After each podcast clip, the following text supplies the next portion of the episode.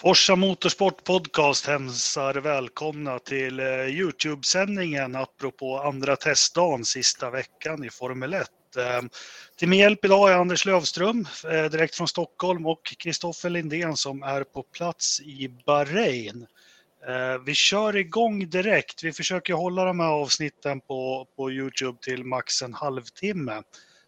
Och det finns en hel del att prata om idag och Kristoffer, du har lite intervjuer och så, snacka med lite förare och allt möjligt där på plats också som vi ska höra lite om. Men eh, jag tänkte jag börja med att sammanfatta dagen lite kort eh, så fyller vi var och en sen. Eh, debut av Kevin Magnusson idag, Magnusen. Eh, 60 varv han han med, eh, toppa listan.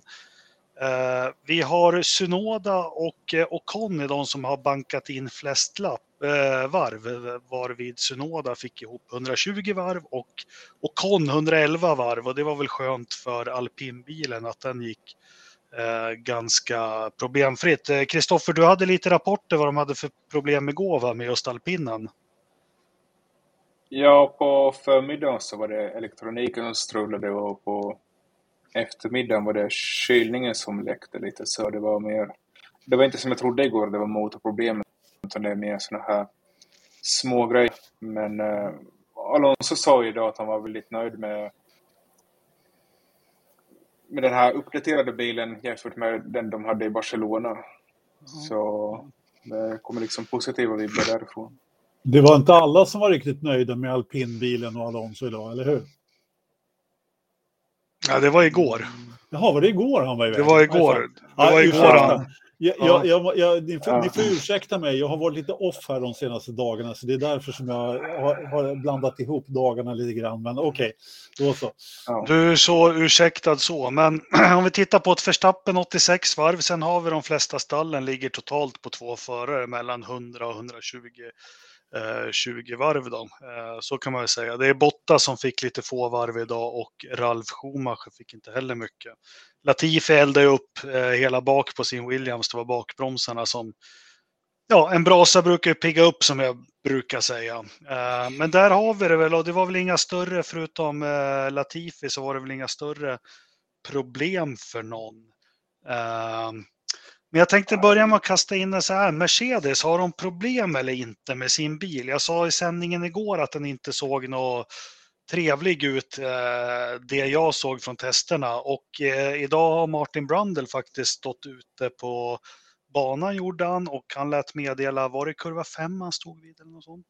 Han lät meddela att Mercedes var den som absolut såg bäst ut, men Hamilton har eh, ikväll sagt att eh, vi har stora problem med bilen och de som tror att vi är sandbaggar, de vet inte vad de snackar om för inte skulle vi åka och så här överstyrt och vara så här långsamma med flit. Så vad säger ni två, Mercedes, fågel eller fisk? Alltså det kom ju ut en eh, sån här analys som F1 gör med, med hjälp av sin Amazon Web Service-dator. Den sa ju att igår som Mercedes snabbast men eh, Ja, man skulle ta dem med en nypa salt också lika mycket som eh, tiden man gör på testerna. Men eh, de har ju fortfarande problem med vad ska vi kalla det, tumlandet, hoppandet av bilen. Det är väl det som jag har hört de har mest klagat på idag. Att, eh, det är tydligen det här nya golvet som inte fungerar helt som de hade tänkt sig. Är inte det lite lite symptomatiskt för he hela testerna, även i Barcelona här, så tycker jag att eh, det är väldigt ny, mycket nya delar och väldigt stora delar som man ersätter på bilarna. Alltså tidigare så har man ju hållit på eh, med, med en, liksom, en, eh, en plåttång liksom och vikt upp en en centimeter lång flärp på ena sidan av golvet och nu så byter man hela golven och byter hela signpods och man gör väldigt stora förändringar tycker jag, jämfört med vad man är van vid kanske. Men sen är det ju det, luften, luften ska ju styras under bilen, det är där allting ska hända nu. Eh, så det, jag, jag håller med dig, det kanske finns en viss logik och jag trodde ju inte att, att man skulle hinna göra så här mycket ändringar och eh, du tog ju lite kort idag Kristoffer också, det kommer ju grejer med, med paketbilen hela tiden. Var det McLaren som fick någon massa nya delar i ett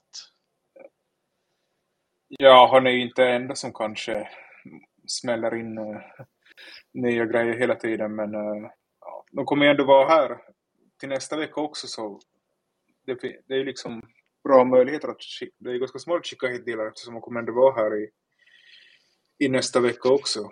Och man kan testa saker fortfarande på fredagen. Det är många som ser eh, nästa veckas fredag som en extra testdag redan. Mm. För de tycker att de har fått lite för lite tester faktiskt. Mm. Ja, ja det är, jag tycker det är alldeles för lite test.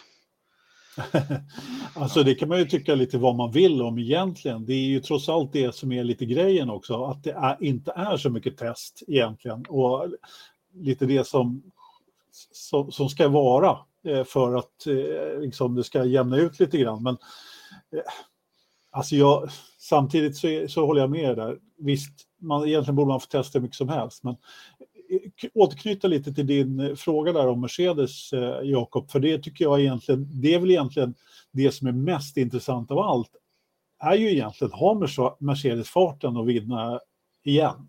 Är de, är de bäst igen och sandbaggar de? Och jag skulle vilja säga det att om man har tittat på testerna några år så, så skulle jag säga att allting tyder på att de faktiskt inte gör det i år. Mm. Sen, sen är det jättesvårt att bedöma, men de pratar annorlunda, det låter annorlunda från stallet, det ser lite annorlunda ut. Mm. Jag tänkte på det, det är jag, jag som tycker att den såg svårkörd ut igår, bilen, och så står Martin Brundle som har oändligt mycket mer erfarenhet och koll på det där än vad jag har och står och säger att den där bilen den är nitad på banan och, och allting. Men en sak jag har lagt märke till när man följde med lite ombordbilder idag. Eh, sen vart det faktiskt bekräftat av eh, kommentatorerna på eh, Formel 1-TV. Men man ser, det är ett annat sätt att köra de här bilarna. Eh, och de spekulerar lite att det har med däcken att göra, att det är lågprofilsdäck och det är annorlunda. Men eh, du ser när du åker ombord, det är väldigt försiktigt. Nu är det tillbaka till bromsa i rak linje, rätta in bilen, få den helt rak innan du accelererar. Eh, mm. Jag vet inte om ni hörde det på sändningen, någon av er också, att de började diskutera det. Men det är väldigt, väldigt mycket mer så här de kör bilarna nu, ser ut på ombordbilderna faktiskt. Ja, det är ju det som många har sagt, att man har fått anpassa sin körstil till de här nya bilarna. Sen kommer ju den utvecklas också med takt med att man utvecklar bilen, men att det är helt klart en uh, liksom det känns som att utvecklingskurvan här kommer vara mycket högre än vad vi har varit vana med senaste åren. Faktiskt, så vi ska mm. inte... Fast någon är snabb i Bahrain så jag tror... Min magkänsla säger att den som vinner Bahrain behöver inte vara bästa bilen över hela säsongen. Mm. Nej, absolut inte. Och fortsätter utvecklingstakten så här fort också så får man se. En annan sak när jag släpper in dig Lövström, det fortsätter idag att se enormt många uppblåsta hjul.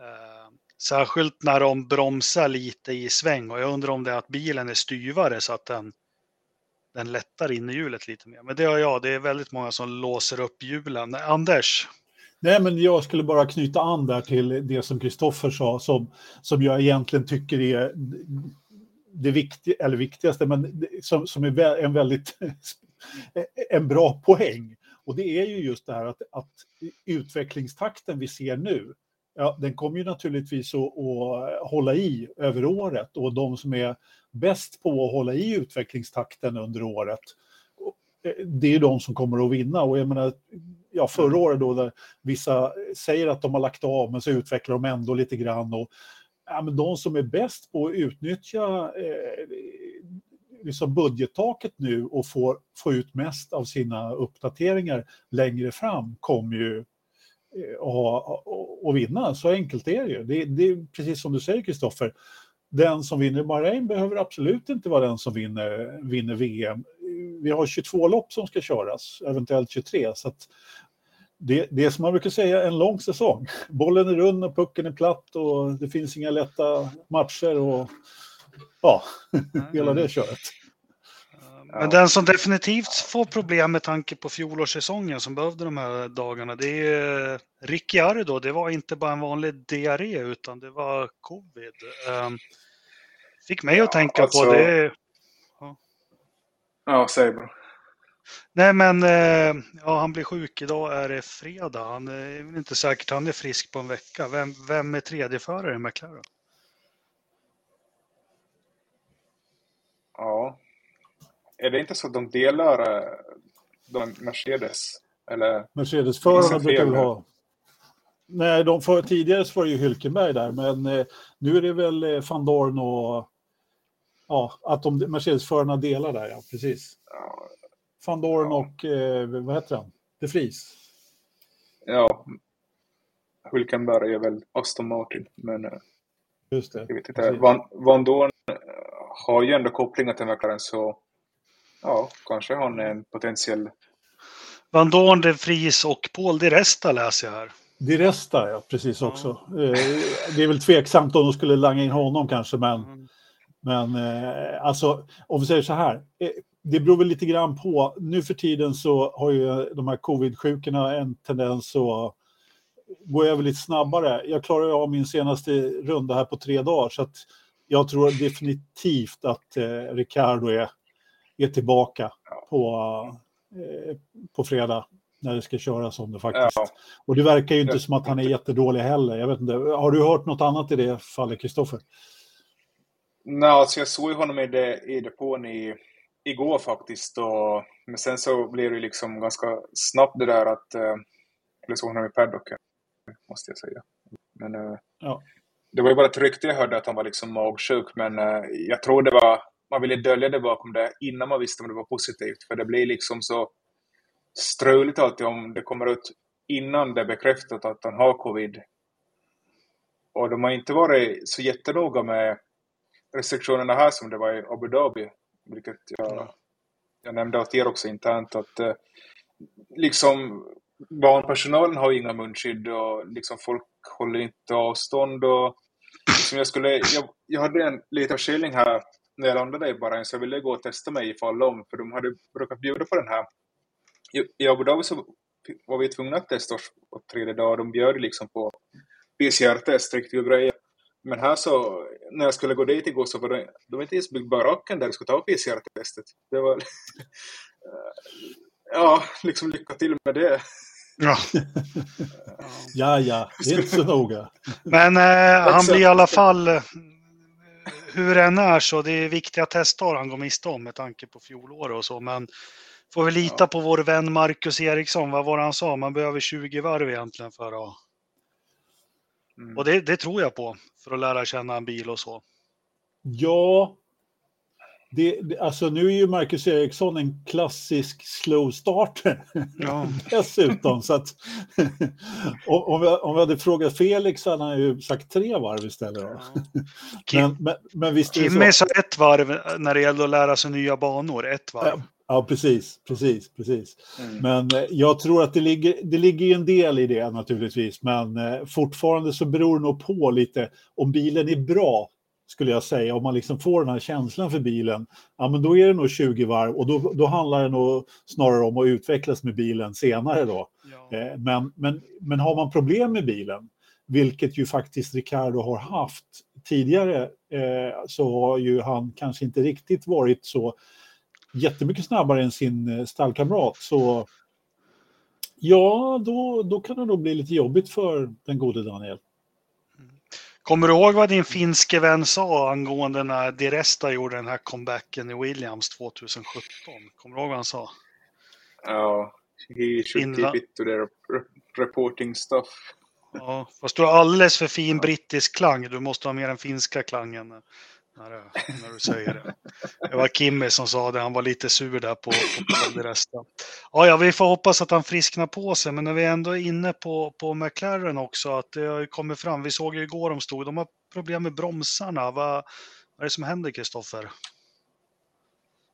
Ja, alltså de får väl inte det här bromsproblemet löst riktigt utan nya delar och de är ju, man ser ju Vistin som skickar in delar nu som då är inne i paddocken och, och just uh, McLaren är en sån stad som hade en hel bricka där med delar som uh,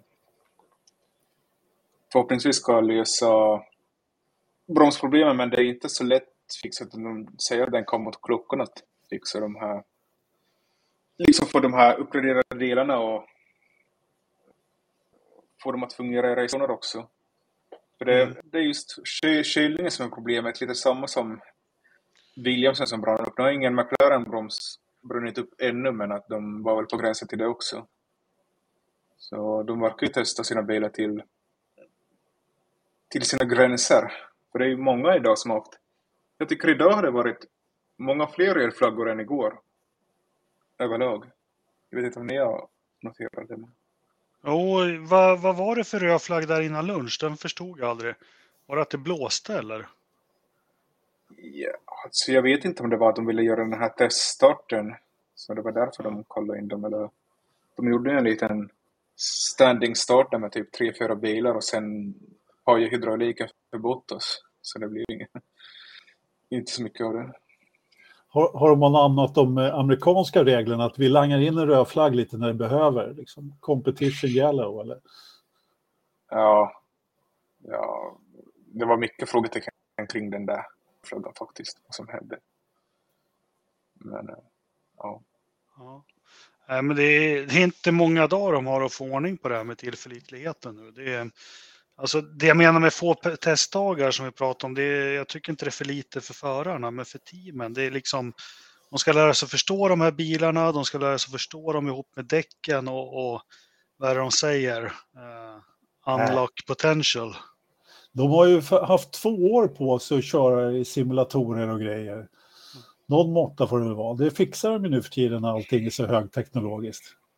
Mm. Ja, jo, det, det är sant.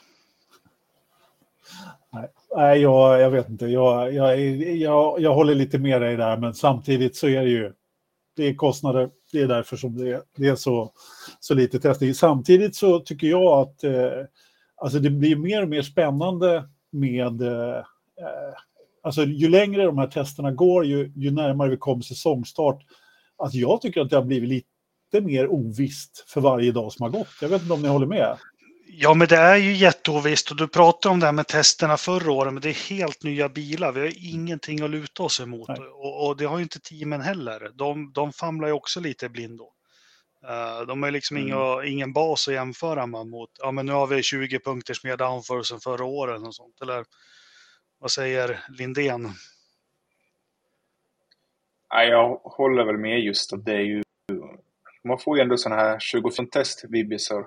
Att det är på den nivån. Att, fast Mm. enda skillnaden är ju nu att vi har motorn fungerar men resten så är ju helt okända grejer. Och det är, just de här dagarna har de pressats mera och det är mycket varmare och sånt. Så det är ju yttre faktorer som också påverkar testerna som man inte kunde se i Barcelona där det var mellan 15 och 20 grader. Här är, idag var det upp till 36 grader och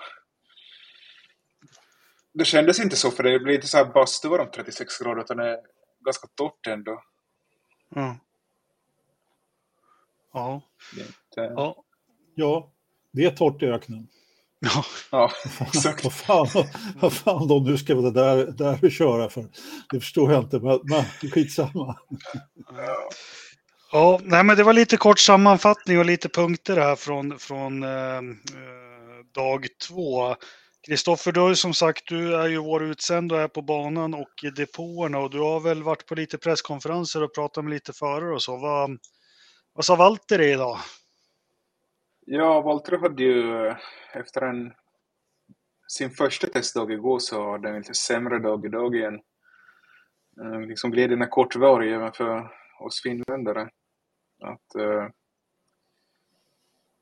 det var ju på morgonen som eh, de fick något oväntat strul med tekniska problem, kallade de det. Och, så han fick ju bara, och det där gjorde så att han fick stå över ganska många planerade stintar. Han hann ju bara med 25, 25 varv till sist och slutligen.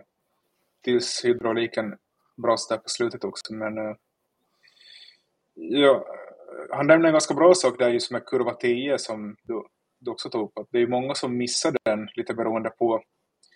För det är en sned långsam kurva som efter den här en längre svepande höghastighetskurva så kommer den här kurva 10. Och det är väldigt just årets bilar så kan man inte ta på samma sätt den här kurvan som fjolårets bilar. Och det är därför vi sitter så många har bromsat på sig där. att eh, då hastigheten sänks så reser sig bilen lite och man tappar downforce. Och då blir det svårt för föraren att uppskatta hur sent man ska bromsa. Och speciellt de här nya däcken är lite mer känsliga för att låsa sig, typ till Bottas. Och det räcker med att man låser dem lite så tappar man gre liksom greppet och åker ut. Så jag tyckte det var intressant att höra förperspektiv på den där upplevelsen och varför den sker med den, just den nya bilen i den här kurvan. Mm. Uh, hade han annat, hur, ingenting hur han har uh, kommit in i Alfa Romeo och nytt team och så? Ja, jag, jag grävde vidare på det här han sa i Barcelona att bilen har potential, så jag frågade om, det, om man tycker han har hittat någon potential nu efter de här två dagarna. Att, eh, ja, de har haft möjlighet att optimera bilen mer och, och liksom hitta mycket mer liksom, mekaniska lösningar på bilen. Men att det är bara de första stegen med att utforska bilen. Och han ville gärna ha lite mer testdagar han också. Att, eh, men det, det är som det är. Och jag fick höra också att det är ganska samma bil som de hade i Barcelona. Förutom mm. nytt golv då. Så det är ju lite... Jag vet inte, ska man vara orolig eller ska man lita på att de hade ett bra koncept från början? Jag tror inte Alfa Romeo har ett bra koncept. Alltså, man blir lite lätt orolig skulle jag vilja säga, men eh, de hade väl en fördel där med vikten, att de var det, den bilen som vägde minst. Då, då. Nu har, har de väl ökat, vad vart ökningen på? Tre kilo? Ja, så... Men ja, är frågan är väl hur, hur, mycket det hjälper då, då, men alltså Ja, alltså det, det, är ju egentligen det, det, är ju lika spännande som att se om Mercedes och Red Bull har farten och McLaren också för den delen och, och Ferrari. Men, men jag menar, hur kommer de att formera sig i slutet på griden och kommer det vara ett slut på griden? Kommer Williams bromsar att brinna hela året? Kommer Alfa Romeo ha någon fart och kommer Kevin Magnusson att vinna VM? Mm. Det är mycket frågor. Ja, ja mycket ja. frågor och de ska vi väl eh ta på måndag i ordinarie podd då, så ska vi berätta för alla hur det kommer gå, eller hur? Självklart. Men du, du, du träffade någon, någon, någon prins också va? Ja, Saudi-prinsen kallade honom. Vet ni vem det är? Ja, ja jag har hört talas det... om honom, men du får berätta för tittarna. Ja, det är Martin Whittaker säger det desto mera. Det är mm. han. Ja, det är han som började som CEO för Bahrains GP faktiskt och har liksom drivit det som sin hjärtefråga. Han är ju hans, hela hans karriär är ganska intressant. Han började som en, han har ju gått i liksom bondskolan och han är ju uppväxt på en ladugård med familjen och började som journalist faktiskt uh, innan han kom liksom in i pressrelationer. Sen så gick han över till att eh, bli ja, sen gick jag till Ford och mitt i allt så blev han vald till CEO över bara hans GP. Så det var ju en kometkarriär av dess like. Och nu så är det han som drar det här Saudis GP som jag tänkte komma till. Och, och de kommer ju fortsätta köra på den här banan i Jeddah i det var först tänkt två bara, som sen blev tre år. Och nu sa han att det kommer bli fem år, att den här banan som de ville bygga i Kodda, som de kallade det, i i Saudiarabien. Mm. Så den, de har ju ingenting byggt där ännu och det kommer att bli liksom en ordentlig facilitet med hela koncernområden och det whole shebang som det kallas. Så mm. De har ju ett 15-årskontrakt F1 och, och Saudiarabien. Så det blir väl fem år på Jeddah och sen tio år på den här nya superläggningen. Det ska ju vara, har ni sett de här konceptbilderna? Det kommer att gå ett vattenfall över för banan och ja, det är liksom något Disneyland de bygger där. Eller det är tanken. Men eh, de har gjort förbättringar på gäddabanan på de här, den här korta tiden de har haft. Tre och en halv månad sedan de körde det sist. Att F1 hade väl listat 15 punkter som de bjöd ta tag i för att köra där igen och de har fixat 28 av de där punkterna. Mycket säkerhetspunkter men också eh, det var, var det på någon träning eller kvar som var det Maset som låg och slarvade i vägen för Hamilton. Jag vet inte om ni kommer ihåg det. Ja, i de chikanerna, ja. Ja, exakt. Just sådana saker ska man... Uh, har man förbättrat nu? Det, ja, att liksom ingen man för... hamnar i körfältet för någon Nej, man förbättrade ju det ganska radikalt genom att ta bort Mazepin. ja, det, det, det var ett bra sätt liksom. ja, exakt. Ja. ja, men liksom som små grejer som kommer att göra att eh, det var också lite kontroversiellt med den här väggen som de inte fixade ordentligt senaste gången angående säkerheten. Att de fortsatte att köra med den utan att den var helt korrigerad. Det var väl under loppet som var det Giovinazzi som smällde in i den. Tror jag. Mm. I alla fall, det var någon som smällde in. Så, intressant att han nämnde att det går ju bara att köra i de här länderna bara inom Saudiarabien i, i mars och redan i april så blir det för varmt. Så det, det här är liksom enda slotten de har om det inte blir på hösten då. När det blir mm.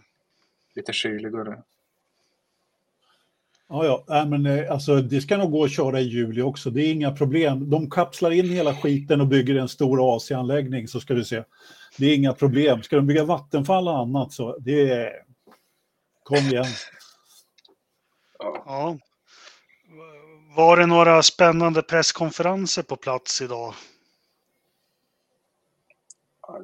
Ottmar fick ju mycket, liksom, det är ju hans sjätte dag på jobbet så det var ju mycket snack om det. Men det var ju liksom han, han sa ju det här med Aston Martin som vi alla kom till sak att stallet utvecklades lite och han insåg kanske att han hade gjort sitt där och sen öppnades den här positionen hos Alpin så han mer eller mindre bekräftade det vi har spekulerat. Mm. Han, och... eh, han, han eh, vet, sa alltså att Forza-podden har haft rätt hela tiden. Det var det han ville ha sagt. Ja, ungefär. Jag vet inte om någon lyssnar på oss. Men vi, men vi har ju många lyssnare så vem vet. Precis. Och, ja. Sen så var det mycket snack om de här extra timmarna som har skulle få eller inte få. Ja, jag tyckte Christian Horner sammanfattade ganska bra. Att det är liksom common sense, allmänt vettat. Det är inte deras fel att frakten liksom strular, Nej. för det är ju F1 som ordnar den här frakten åt dem. Det är inte de själva som har liksom beställt för dålig frakt. Så, men sen gick det emot, det var ju typ tre stall som satte sig emot att de skulle köra på söndagen. Att istället fick de ju skarva in och det som ikväll så körde Magnusen en timme extra. Imorgon började de en timme bit tidigare och, och sen körde de två timmar i slutet av dagen extra än resten. Och sen blev det här politiska spelet när då frågade de liksom sa det säga bra. Ja, det är ju liksom helt okej att eh, de får göra det här. Men de satte sig emot att de skulle köra på söndagen. Så det är ju... tycker oh. det är ganska lustigt att se de här... Oh. Alla försöker rädda sig själv när man kan. Självklart. Ger inte en eh, millimeter liksom. Ja, exakt. Ja, Piraya-klubben. Precis. Ja. Så är det. Ja men vad bra, det var väl lite samma. Jag måste bara säga det är en annan nyhet idag. Dry to Survive, säsong 4 kom ju. Jag satt och tittade lite med sonen här på första två avsnitten innan vi gick in i den här sändningen. Och, eh, och du sa nyss, eh, du sa det nyss, det gjorde mig ännu mer Kristoffer, att Christian Horner hade sagt att det var common sense. Var det något den jävla karln saknar totalt så är det common sense. Vilken obehaglig jävla typ han är. Han är ju riktigt, han är ju riktigt obehaglig alltså. Till och med min son bara, gud han är... Och han hejar ju på Max Verstappen och Red Bull. Men går där i sin gård i vit struken skjorta och jeans och håller frun i handen när de pratar Formel 1. Det är vad liksom han gör en ledig dag. Och så hans döttrar får blåsa ut någon sån här torkad maskros. Så säger han, du får önska dig något om du blåser ut allt och det kommer gå upp till uppfyllelse. Bara, Vadå, önskar du inte att Max ska bli världsmästare? är otroligt obehaglig människa. Eh, men annars så, det jag har sett, eh, jag tycker, jag var inte så jättehet på Drive to Survive, men jag tycker de här första två avsnitten har varit intressanta. Sen så inser jag att jag är alldeles för gammal för alla de här ljudeffekterna som de har. Men det tror jag den yngre publiken gillar, men jag... Mm. Ja. ja. Alltså, jag, jag, jag, jag blir tvungen att titta utan ljud. Liksom. Och den här pålagda kommentatorn, ja. alltså jag blir helt vansinnig. Alltså. Jo, men annars så känns det, som sagt, jag var inget tänd alls på. Har du hunnit sett något, Kristoffer? Nej, jag försökte, jag vaknade lite bitigt här och gick till gymmet faktiskt innan jag åkte ut till banorna, men det, det fanns inte på Netflix då, den släppte väl det tidig morgon europeisk tid, så jag var lite förhöjd. Men jag får väl göra nytt försök imorgon. Men jag läste någonting intressant här att det är ju många som ser liksom en möjlighet med det här att göra liksom en marknadsföringskanal för en billig slant. Typ Haas är ju ett ställe som jag sett de har promotat det massor i sina sociala medier. Sen vet jag Christian Horner också. Jag vet inte om de har liksom de börjar gå till det här gränslandet att de har ju liksom de gör ett avtal med typ Christian Horner att vara med i några avsnitt och så får han en slant för det och de som inte är med de är ju liksom jaha, då får vi ingenting. Om vi inte får någonting så kommer vi inte vara med. Så det blir ju lite det har liksom gått från den här dokumentären, eller det var ju aldrig någon dokumentär men att det har gått lite mer till att bli en reality show med, med skådespelare faktiskt i en F1-värld. Ja, när, när du säger det så är det så man upplever sig, för nu har ju Susie Wolf också tagit Ja, men lite så känns det som Big Brother eller Truman Show eller någonting Formel 1. Men Susie Wolf har ju gått ut idag efter premiären och sagt att Christian Horner, learn from Toto, you don't need to be an asshole to be successful. Jag tycker hon sätter huvudet ja. på spiken där. Ja, fast hon, jag, säga, alltså jag, jag, jag tänker inte försvara Horner på något sätt, men, men hon, har, hon är ändå lite part i målet. Bara lite. Det är såklart hon är det, men Christian Horner, alltså han är otroligt obehaglig. Det är bara att titta på den här jävla nakenbilden på honom när han körde F3. Han är riktigt, o, uh, usch, riktigt obehaglig och just det där. Fan, du är på ja. G idag Jakob. Nej, men jag tycker, nej, men det det blir, jag är ju förälder, jag tycker synd om barnen liksom. När det är sådär. Det är fan. Jag önskar mig en helikopter, sa en dotter, och jag vill ha ett marsvin. Nej, men Max ska ju bli världsmästare. Det är du som önskar det, pappa. Och just det där han var ute och gick en ledig dag där på en gräsmatta i jeans och vit skjorta och liksom höll varandra i handen och pratade ja, Formel 1. Fan, de skulle ju vara med i tv. Ja. Klart han hade strukit skjortan. Jo, ja, det är, ju, ja, ja. Det, är, det är ju det här jag menar att det är så mycket iscensatt där nu som när det kommer till avsnitt 8 där med Bottas och Russells fight om kontraktet som aldrig var någon fight. Jag vill se, jag, vill, jag suger på att hoppa till det avsnittet nästan direkt. Och sen så har de något avsnitt när typ Ocon och Tsunoda slåss om 13 plats i, på någon bana och liksom överdramatisera mm. det här som det skulle vara någon fight för. VM-poäng. Viktiga mm. VM-poäng och så är det en trettonde plats. Och, ja, och sen har vi avsnittet när Sunoda tvättar kläder. Det ser jag fram emot. Ja, nej men eh, som sagt jag kommer titta lite nu ikväll och så. Eh, men hörni, vi ser fram emot sista testdagen för säsongen 2022 i, i morgon och vi är tillbaka på uh, Youtube. Glöm inte att prenumerera och trycka på den här ringklockan så får ni aviseringar. Uh, vi fortsätter testa oss fram med det här. Uh, ni når oss på Instagram, ni når oss på Facebook som vanligt. Vi kan diskutera testerna och uh, vad nås vi med? På Twitter och vi har faxnummer och allt möjligt har vi. Patreon har vi om man vill eh, Patreon, slänga in en precis. slant. Ja, och precis. Och Anders har nog, han har ett faxnummer. Han tar gärna emot fax om det är något. Självklart. Ja. Alltid. Eh, ska vi nöja oss med det och så hörs vi om ett dygn igen då? Det gör vi. Mm. Tack, Tack ska ni ha allihopa. Titta och lyssna. Hej då. På återseende.